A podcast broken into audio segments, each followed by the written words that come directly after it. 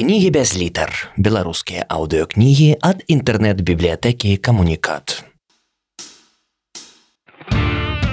Валерый Гапеев Ночь цмока Роман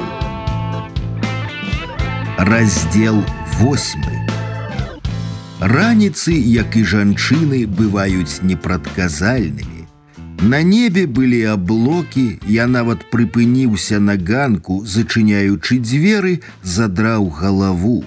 Так аднастайная шэрая пахмурнасць неба цяпер была разарваная на цёмныя і светлыя аблокі, якія насоўваліся адно на другое, плылі ў розныя бакі. Нізкія, больш цёмныя і калматыя ў адзін, светлыя, нейкія плоскія ў процілеглы. І хоць сонца па-ранейшаму не было відаць, у рэдкіх і невялікіх разрывах праглядвала баязлівая хваравітая сінеча. Не мог не зірнуць на дом надзеі. Ён падаўся мне змярцвела маўклівым. Усё прэч, загадаў я сабе. Так, усё прэч, не дачакалася, не патэлефанавала, няхай сабе па меркаванні тамары я і праваліў тэст. Надзея абавязана была прамовіць хоць слова, абавязана. Вартавы на вышцы, бомж ля сметніц, стужка шашы, чорныя купалы царквы, чаму яны мне падаюцца такімі злавеснымі, А як неба вызваліцца цалкам ад аблокаў ці стане ўрачыста блакітным, хто прыдумаў пакрываць купалы меддзю, якая імгненна чарнее і надае будынку такую неверагодную вусцішнасць, які Бог згодзіцца жыць у храме пад чорным дахам. Ды навошта яно мне, пра што я думаю, Здаецца, хмель ад выпітага каньяку не прайшоў. Я выцадзіў палову бутэлькі, спаў крэсле, цяпер баліць шыя. Колькі спаў, чатыры гадзіны не болей. Нават на гадзіннік не глядзеў, усё чакаў хоць смскі. Ну і няхай, няхай ідзе на ўсе чатыры бакі. Быццам цяжка тут знайсці каго на ноч. Вось жа д'ябальшчына, чаму я думаю пра надзею. Нейкі месяц больш-менш разам грызе мяне самалюбства, бо не я, а яна пайшла без тлумачэнняў. Хіба так, не вельмі прыемна быць кінутым. Нічога, яшчэ пабачым. Ля дзвярэй пракуратуры сустрэўся з сакратаркай зіначкай. Нешта выгляд у вас, Васіль, не вельмі. Пасля вітання паспачувала мне яна. Зайдзіце на каву спецыяльную. З загадкавай усмешкай дадала, падзячыла кіўком галавы за тое, што прытрымаў дзверы, упускаючы яе ў будынак. Мне падалося, ці яна спецыяльна з асаблівым імпэтам віхляе сёння азадкам, абцягнутым заўсёднай чорнай кароткай спадніцай. Прываблівы ён у яе, акуратны, не апушчаны ўніз, сцёгны не тоўстыя, клубы бы жывуць асобна ад цела. У свае 33 зіначка ззаду ўдае падлеткам, рухавая, гнуткая. Зрэшты і спераду яна нічога, хіба грудзі вялікія, здаецца, вызвалі са станіка і расплывуцца пад пахі, як ляжа на спіну. Ці не расплывуцца, а выставяць да гары спакуслівыя смочки. Уяўленне было незвычайна моцным. У нейкі момант мне захацелася, каб зіначка павярнулася, і я змог пабачыць яе схаваныя цяпер пад тканінай грудзі і пераканацца: яны не павіслыя, яны прухкія, прахалодныя. І яна азірнулася: Дык заходзьце, Муж зіначкі на заробках у рассіі, тое ў пракуратуры ведаюць. Яна ці не штотыдзень расказвае пра свае няўмелыя спробы справіцца з пабытовымі праблемамі, якія патрабуюць мужчынскіх рук. Часам вызвоньвае па тэлефоне камунальную службу, то ёй электрык патрэбны, то слесар. Кватэра ў старым доме жанчына збірае грошы на капітальны рамонт, бо ўсё, пачынаючы ад праржавелых труб і заканчваючы аблупленай столлю, патрабуе працы і грошай. А тут яшчэ двое дзяцей, школьнікі, дай і дай. Нейкае імгненне я вагаўся, мог гатаваць самому каву, але ж зіначка запрасіла, і я не адмовіў, значыць, згадзіўся. Ну, няхай пачастуе яна, не першы ж раз. Падняўся на другі паверх, там кабінеты тамары і яе намесніка Антона Шабацькі, Мужчыны 50 гадоў сівога як лунь, але падцягнутага сухарэбрага нават. Цікавы чалавек ведае процьму ці то анекдотаў, ці то сапраўдных кур'ёзаў, як не збяромся, так бы мовіць, у неафіцыйных абставінах, ад яго абавязкова гісторыя і да месца, апавядальнік ён адмысловы, паузу вытрымае, голас бясстрасны, сам не усміхнецца нават, калі іншыя хапаюцца за бакі ад рогату. Тры гады таму ў яго памерла жонка, рак страўніка. Калі выявілі, было ўжо позна, ажно чацвёртая апошняя стадыя. Са скаргамі на жывот яна не адзін раз звярталася ў бальніцу, але там ставілі дыягназ запушчаны гастрыт – што часткова і было праўдай. У нейкі момант малады ўрач, які ўсяго год як працаваў, адправіў яе на абследаванне мэтанакіравана на рак. Паўгода пасля гэтага яна толькі і пражыла. Шабацька казалі, хворую апошні месяц насіў на руках, даглядаў цалкам сам, бо яна ўжо ляжала дома. У іх трое дзяцей, усе дарослыя, як кажуць, прыпучаныя. Два сыны ажаніліся, дачка замужам, прычакалі і ўнукаў. Сорак дзён пасля пахавання жонкі шабацька прыходзіў на працу пакамечаным з моцным перагарам, які стараўся прыхоўваць, пырскаючы на сябе распораз адэкалонам. Парфума была ў шуфлядзе ягонага стола.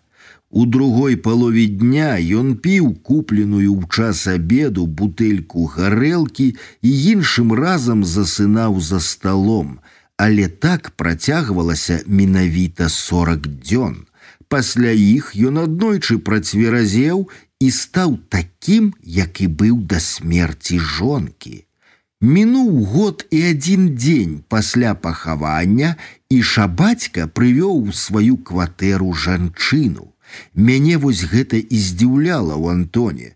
Ён у жыцці кіраваўся дакладнымі правіламі, агульна прынятымі нормамі, быццам не меў свайго асабістага стаўлення.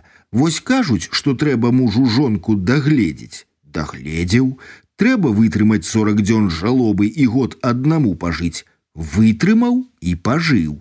Мажліва, менавіта штучнасцю паводзінаў, якую я падазраваў у шабацьку, ён і быў мне несімпатычны, а яшчэ немаведама чаму ён лічыў быццам зіначка яго асабістая сакратарка. Нават тамара сама сабе часцяком гатавала каву ці мыла свае зялёныя стограмоўкі. А шабацька ў пяць хвілін на дзявятую штодня чакаў, калі зіначка, цокаючы абцасікамі, прынясе яму каву. Калі нехта бачыў, як яна выходзіла з яго кабінета пасля, то не мог не здагадацца па запунсавелых зіначчыных шчоках і іскрынках у вачах, што жанчына ў знак падзякі атрымала паляпванне па клубах і двухсэнцоўны камплімент наконт яе шыкоўных цыцак. Я ўзняўся наверх у прыёмную канцылярію. Чайнік якраз забулькатаў. Зараз, зараз, сустрэла мяне такой яскрава лагоднай усмешкай зіначка, аж мне стала трошки ніякавата, але адначасова і прыемна. Сядайце во, запрасіла. Я прысеў да сцяны, тут стаялі крэслы для наведвальнікаў. Зіначка заліла кіпнем кубак з кавай, але толькі на палову, пабоўтала лыжачкай, пасля прысела ля вялікай канцылярскай шафы. Яе сцёгны адкрыліся высока, быццам вынырнулі з-пад спадніцы, тугія у тонкай тканіне празрыстых калготак. Зіначка пакорпалася ў ніжняй шуфлядзе, Ох, як доўга яна корпалася і, не ўстаючы, павярнула галаву да мяне, трымаючы ў руцэ ля свайго амаль аголенага цалкам сцягна невялічкую бутэльку па-змоўніцку прымружыла вочы, падміргнула мне знізу ўверх, і я гатовы быў ісці ў заклад, што змоўніцкі агенчык у яе вачах тычыўся не толькі бальзаму, які яна дастала. Выдатна лечыць, бярыце і на здароўе. Зіначка даліла да поўнага цёмнай вадкасці ў кубак, падала мне. Бярыце і на здароўе заварыла кавы сабе і таксама дадала, але з напарстык усяго бальзаму. Бутэлечку закруціла, цяпер ужо чыста па-жаночы, ахайна і хутка, прысела і схавала яе. Яно і праўда, пасля першага глытку пахучай вадкасці я адчуў, як мне палепшала, хоць галава не была цяжкай ці мяне нудзіла, лягчэй рабілася на душы, прасцей. Ой, дзякую, ці то напітак чароўны, ці то ад сэрца згатавалі. Падзякаваў я, зрабіўшы трэці глыток, парушаючы трохі неўтульную цішыню. І тое і другое і трэцяе. Выпаліла зіначка. А што трэцяе, здзівіўся я. А я на ўдзячнасць разлічваю, прызналася яна без усмешкі. Бабе без мужчыны ў хаце як без рук. Столькі ўсяго за дзень здараецца, хоць у вакно вылазь ды крычы, кліч мужикоў. Клікалі, смехам пацікавіўся я. Ат, з тых, хто адразу адгукаецца толку на адзін шкалік гарэлкі, за ёй і бягуць. Зіначка ад прыкрасці зморшчыла свой невялічкі акуратны нос. У суседа руки растуць не з таго месца, шабацьку ягоная сужителька раўнуе беззаконная жонка, а мне хоць на курсы якія записывайся. Такія пільныя справы, што і мужа не дачакаюцца. Той муж не душ, калі з'явіцца праз тры месяцы. Ды рознага хапае, то лямпачка ў люстры стрэліла, святло не запальвалася, то акно адчыніць не магла. Ага, смешна дробязі. А знаеце як прыкра калі нічога зрабіць не можаш і няма каму дапамагчы. Вось учора тэлевізор не ідзе піша няма кабелю. Я ўжо і там пакратала і там няма кіна Хай мне мой серыял, дык жа дзецям іхнія мульцікі давай замучылі вечарам, а майстроў выклікаць толькі на ўторак, а сёння ж пятніца. Я зразумеў пра трэцяе, адчуў. Вось цяпер зіначка чакае адказу, зрабіў глыток і бадзёра выдыхнуў. Зробім, дзякуй вялікі зіначка, просто выдатная кава. Насамрэч я за гэтыя колькі хвілін адчуў сябе куды больш бадзёра, жыццё падавалася зразумелым да рэшты, як і запрашэнне на каву з бальзамам, выразная дэманстрацыя свайго спакушальнага азадка, просьба. Дык я тады буду чакаць, як вызваліцеся прыходзьце і замінаць не будзе каму. Дзеці сёння да бабы пабягуць, заўтра на лецішча паедуць зранку. І яна усміхнулася мне, гледзячы ў вочы. Там у яе вачах я прачытаў тое, пра што не кажуць жанчыны, калі клічуць мужчыну да сябе нібыта па справе. У вачах было абяцанне і чаканне такое выразнае, што мне стала крыху няёмка, паспяшаўся адказаць: Канечне, ніякіх праблем. Я вольны, мяне раўнаваць няма каму, і руки як быццам растуць з патрэбнага месца. Я асмялеў і закончыў ужо гулліва. Зіначка зноў усміхнулася мне, цяпер як сапраўднаму змоўніку адказала прыцішана: « Пабачу, пабачу. Ну і схаджу, пагляджу той кабель, дробязь, відаць, дзеці гуляліся, штосьці шмаргнулі, вячэрай, мабыць, накорміць, не трэба будзе вячэру гатаваць. Усё будзе добра. Я спускаўся па лесвіцы, адчыняў свой кабінет, уключаў кампутар, а ў вачах стаялі высока вызваленыя ад тканіны спадніцы, сцёгны зіначкі і яе знарочыстая марудлівасць, калі яна даставала бальзам для пачастунку не задумваўся над тым, ці маю я права лезці да замужняй жанчыны. Сакратарка не рабіла сакрэтаў, што мужа няма дома па месяцу і больш, і што хутчэй за ўсё у яго там у рассіі ёсць жанчына, што сям'я фактычна не існуе. Тыдзень, як муж дома праходзіць у сварках. Зіначка далёка не адзінокая ў сваёй бядзе, заробак у рассіі з'ява звычайная для нашага райцэнтра, бо месцаў, дзе можна нармальна зарабляць, не хапае і на чвэрць жадаючых. Мужики з'язджаюць на месяцы два-тры, жывуць там адзіным сваім клопатам, папрацаваў, паеў, паспаў вяртаюцца сюды у сем'і з грашыма, адчуваюць сябе героямі, здабытчыкамі.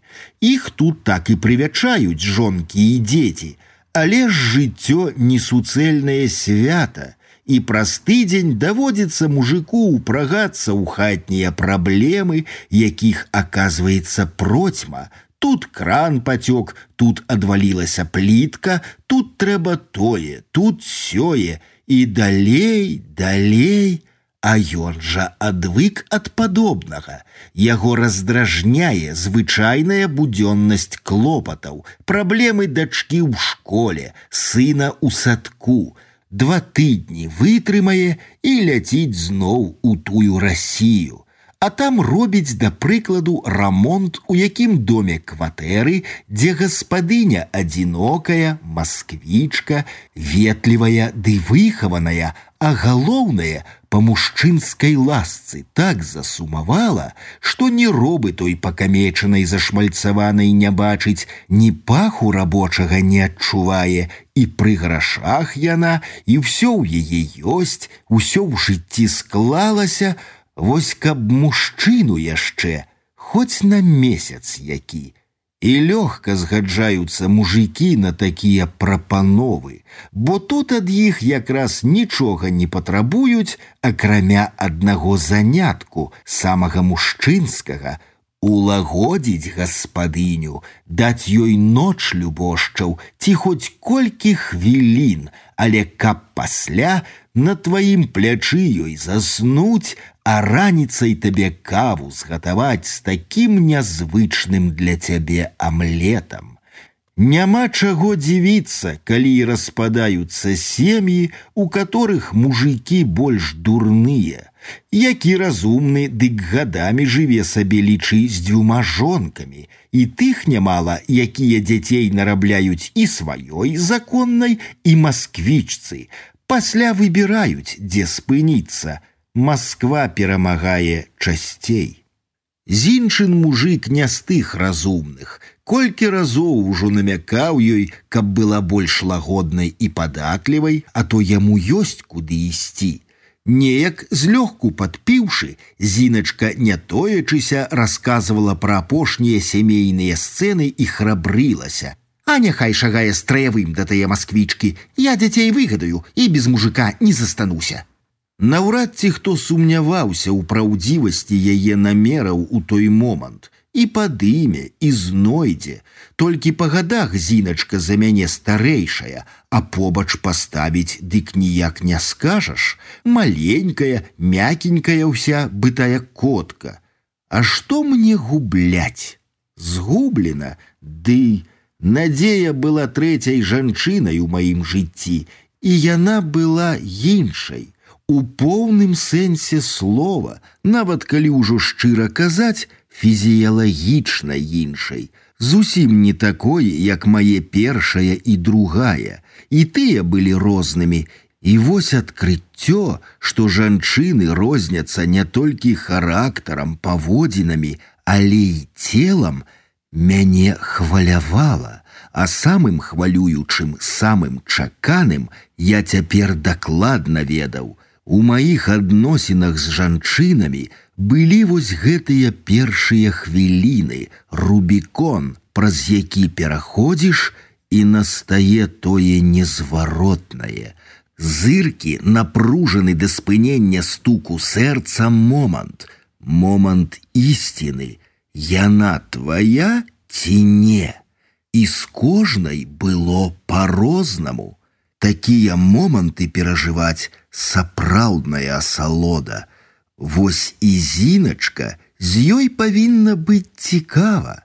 Як у нас будзе, адразу з парога яна ўпадзе ў абдымкі, прыціснецца, працягне руки за спіну і шчоўкне замком, ці будзе доўгая знарочыстая гульня аж да нейкага моманту выпадковага, а пасля імгненны выбух страсці, а можа, як з надзеяй па-сямейнаму цёпла, па-сяброўску шчыра і аддана, як не будзе, але будзе новае.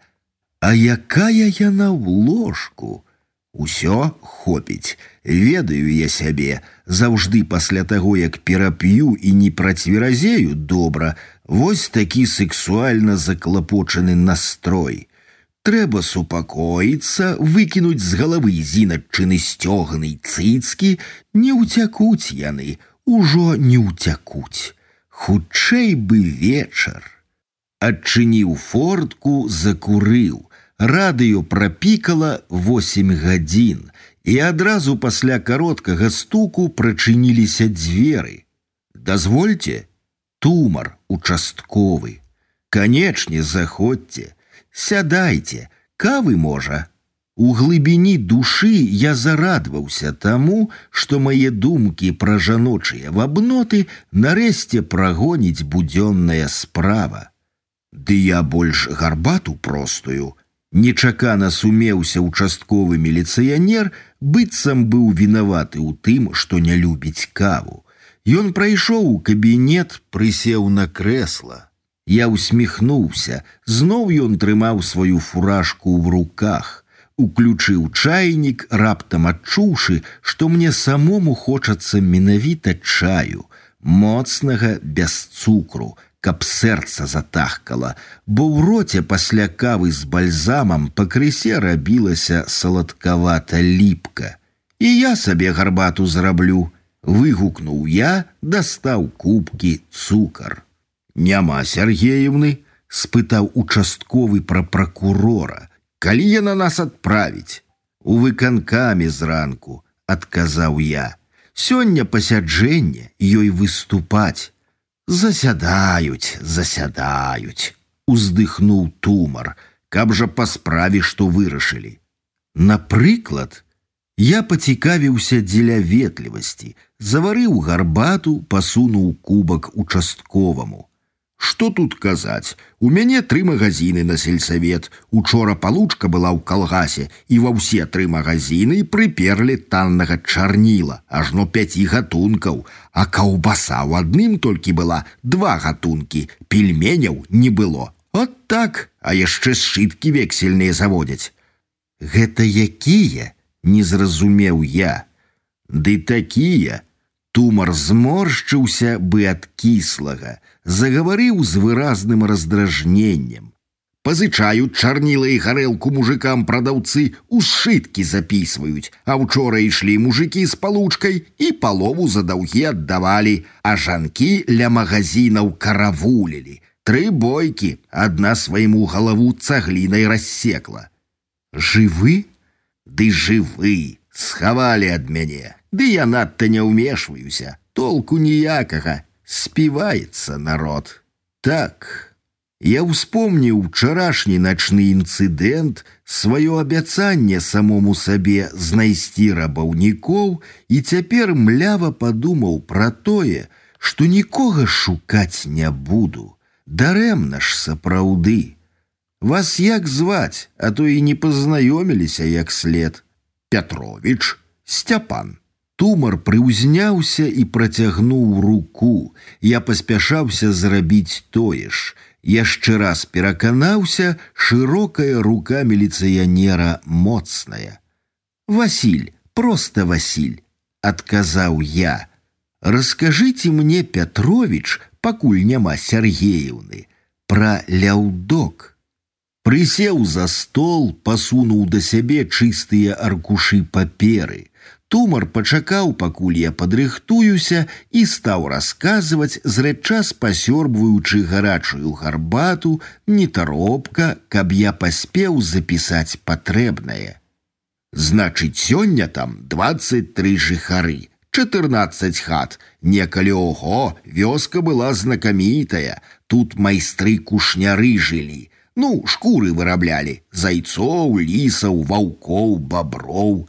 Але ж во за нейкіх 20 гадоў апошніх бы мятлой вымела, Старыя паўміралі, маладыя выехалі, то сваіх засталіся лічаныя сядзібы. Значыць, самы блізкі да лесу дом зміцер вядзьмак і яго дачка жыла з ім. А жонка, вы казалі ён слабы зусім. Дык жа Настя не была ў такім сталым узросце, позна нарадзілі дачку. Дык Казалі, зміцер, пакуль ведзьмаком сапраўдным быў і лячыў гавяду, коней, людзей, не жаніўся, бо яму быццам нельга было. Так казалі, а ўзяў ён куды маладзейшую за сябе жанчыну, аднекуль прывёз. Яна хворая зусім была, ён яе лячыў, от яна яму і нарадзіла. Але ж доўга не пажыла, Дацце насці, значыць, дзесяць было, як памерла. Казалі, рознае казалі, але ў голас не асмельваліся, бо вядзьмак жа хай сабе і нібыта на пенсіі. Дык вось шапталіся, нібыта пабіў жонку зміцер надта, А за што якое не ведаю. Ого, я здзівіўся з дасціпнасці тумара. Інфармацыя адкуль бо побач жылі, Ды распытаў трохі: Маці моя жывая у памяці, хоць і не ўстае, Мы ў суседняй вёсцы жывем, аграгарадок цяпер, а вядзьмак жа заўсёды на відавоку. Так значыць, суседка з метра сцёпчыха, адзінока пражываючая, ёй каля 80. Дзеці раз'ехаліся, мужик памёр даўно, усё жыццё ў калгасе, звычайная такая цётка. На яе агародзе знайшлі насцю. Далей жыве адзінокая марыля, такога ж узросту, як і сцёпчыха бадай. Манашкай мы яе клічам, Яна пры царкве ўсё была, зараз слабая, далёка хадзіць не можа, ногі баляць. Замуж не выйшла, дзяцей не нарадзіла. Пенсія мізэрная ў яе была, загарода адной жыла. Ну, людзі нечым дапамагалі, бо раней жа і папоў не было нідзе, а яна хоць колькі малітва ўведала. Кнігі ў яе гэтыя былі. То як паміраў хто, марылю клікалі. Яна хоць нейкі парадак падтрымлівала. Ноч усю малітвы, ды яшчэ там якое трэба чытала над нябожчыкам, цяпер гоніць самагонку. Дачнікам, але толькі сваім прадае, чужым ніяк. Добрая самагонка. Ну і далей трохі па вуліцы хата калтуневічаў, пенсіянеры, Ён уладзіслаў і яна сонька. Дзеці двое сыноў на сядзібе жывуць, свае сем'і. Уладзіслаў раней у міліцыі працаваў, пакуль не пакалечыўся п'яны на матацыкле, цяпер кульгае. А сонька яго партыйнай была, дэпутаткай нават выбіралі. Язык падвешаны, дай Бог, але і розум мае на свой манер. Маё даведачнае бюро Усё пра ўсіх ведае. Ранак пачынае з таго, што суседзяў аббяжыць, распытае раскажа навіны. На другім краі таксама пад лес. Стаіць хата мехася падлужнага. Яму здаецца 55 ці болей трохі жыве бабылём. Колькі разоў прывозіў жанок сабе, не ўжываліся з ім, з'язджалі, то зараз на лета наймае з горада зазвычай дзвюх жанчын. У яго гаспадарка вялікая, трымае ці не два дзясяткі галоў хавяды. Хлявоў наставіў, суседні ўчастак яму сельсавет аддаў, плошчу пад пашу выдзелілі. Вось жа лёс які ў чалавека і працавіты, не п'яніца, спакойны нібыта, а з жанчынамі ніяк сям'і няма. Раней з сястрой жылі, тая замужам была, дзіця мела. Жылі разам, хата вялікая, яшчэ прыбудавалі тры сцен. Нешта не склалася, кажуць, надта ж характарам няпросты міхась. Ну, сястра з мужам і дзіцём з'ехала на сядзібу, а той застаўся. У парты днюе і начуе на сваёй ферме трактарок мае, бабулькам тут падможа, зноў жа дачнікі і гной купяць і па малако прыйдуць, але нейкі няўдачлівы, ніяк яму не шчасціць. Цяляты дохнуць, каровы на мастыт захворваюць, ці яшчэ якая трасца, малако перастаюць даваць, Ён іх прадае, купляе новых, круціцца без продыху, а няма толку. Вось усе свае. Зразумела, я прачытаў запісанае. Сваіх сямёра было з насцяй. Пяць хат, значыць, астатнія хаты девять і астатнія людзі шестнадцать, тыя самыя дачнікі. Ну, хто дачнік, а нехта жыве стала ўвесь год, згадзіўся тумар. Чым жа іх дачнікаў ляўдок прывабіў? Ды месца, мабыць, ціхае, зручнае, падумаў у голас тумар. Траса недалёка, а лес побач надта на грыбы шчодры, нават на агародах баравікі растуць, а крыху далей арэшнік стары, яшчэ я малым быў, дык штогод мы па арэхі туды хадзілі. Гэта цяпер прысмакі магазінныя, якія хочаш, а тады ляшчыну сушылі. Ого, якое смакотце было ўзімку, Ды і як на каляды без арэхаў. Зразумела, Петрович, а дачнікі гэтыя хто? Як яны не турбуюць? Ды прыстойныя, упэўнена пахваліў участковы невядомых мне людзей.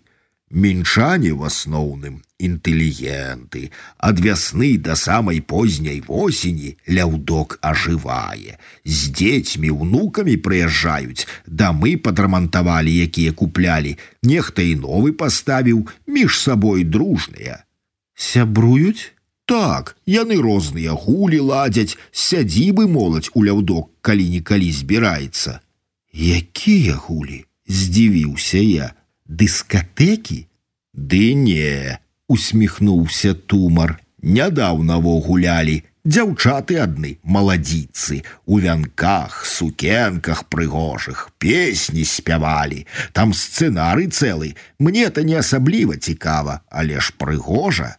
Тады многа прыехала было народу. Нашы мясцовыя ў ляўдок прыходзяць кожны раз, ім цікава.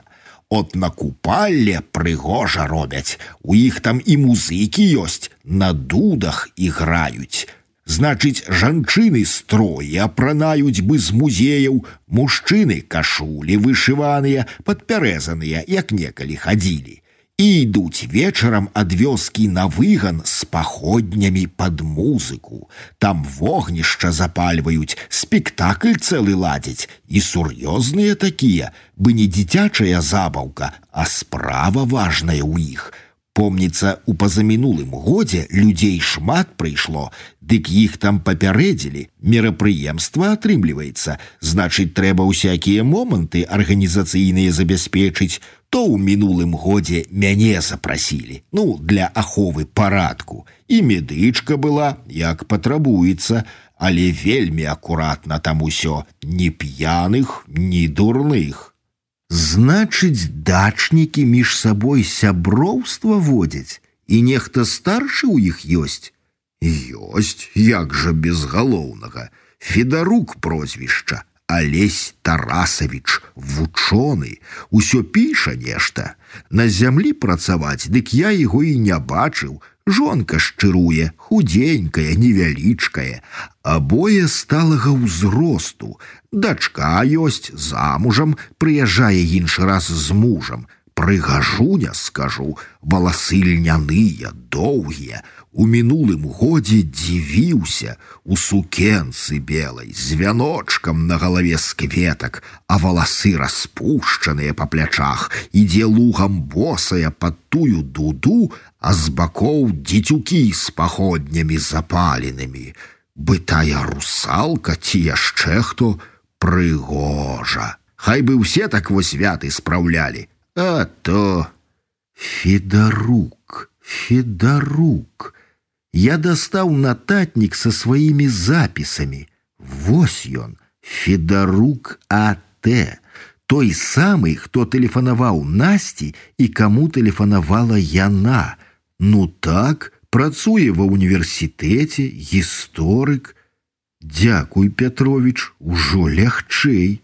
Слухайте, вы казалі, Настя ў вёсцы была якой? Ды нармальна яна жыла, паважалі яе, ну, як пагалоскі пайшлі раней, дык глядзелі скоса, а пасля пабачылі, што чалавек яна спагадлівы, добры, ды яшчэ ў бальніцы робіць. Ці былі канфлікты ў яе з кім-небудзь? От не скажу, здаецца, не было.